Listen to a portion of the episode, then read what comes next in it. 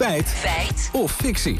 Ja, feit of fictie. En het gaat vandaag over het geld dat naar de schadeafhandelingen in Groningen gaat. Ja, Eerste Kamerlid Henk Otte twitterde dat 70% van het geld dat vrij is gemaakt om de Groningers schadeloos te stellen opgaat aan advocaten. 70% dat is een hoog percentage. Ja, dat, dat leek mij ook, dus dat zijn we gaan uitzoeken. Even wat achtergrondinformatie. Het instituut Mijnbouw Groningen, het IMG, handelt de schade af. Die wordt veroorzaakt, veroorzaakt door bevingen en door bodemdalingen en stijgingen. En de Algemene Rekenkamer heeft een rapport naar buiten gebracht. Dat gaat over de uitgaven van dat IMG.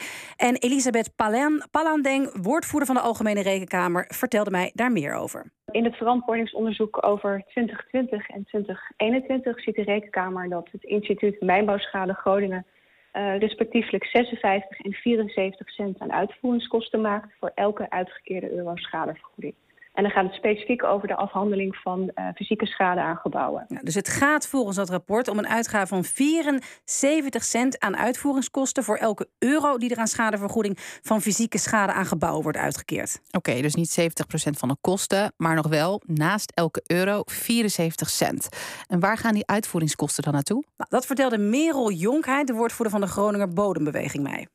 Uh, die kosten uh, gaan bijvoorbeeld naar schadedeskundigen die schade komen opnemen bij iemand thuis.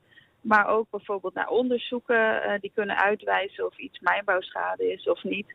Maar het klopt wel dat het IMG um, heel veel juristen in dienst heeft. Dus de opmerking, alle kosten gaan op naar advocaten, begrijp ik wel enigszins. Hmm, veel juristen dus. Maar het geld gaat dus ook naar schade-experts. Wat zegt het IMG zelf? Van het IMG ontving ik een schriftelijke reactie. En daarin stond het als je niet alleen maar naar de fysieke schade kijkt, zoals de Algemene Rekenkamer heeft gedaan, maar naar alle vormen van schade, fysieke schade, waardedaling en immateriële schade, dat het bedrag dan zelfs nog lager ligt. Namelijk niet 74 cent, maar 43 cent per uitgegeven euro. Ja, dat is geen 70 procent. Nee, nee, nee, maar er gaat dus wel heel veel geld naar uitvoeringskosten. Ik vroeg Jonkheid hoe dat voor de Groningers zelf is. Uh, dat is natuurlijk heel erg verdrietig. Uh, zeker omdat de schadeafhandeling niet helemaal op rolletjes loopt.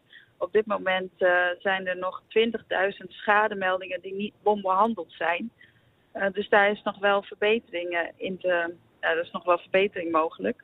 Ja, dus feit of fictie? Nou, kijk, als Otte zijn bewering heeft gebaseerd op het rapport van de Algemene Rekenkamer, dan is het fictie. Er wordt namelijk 74 cent uitgegeven aan uitvoeringskosten voor elke euro die er aan schadevergoeding wordt betaald.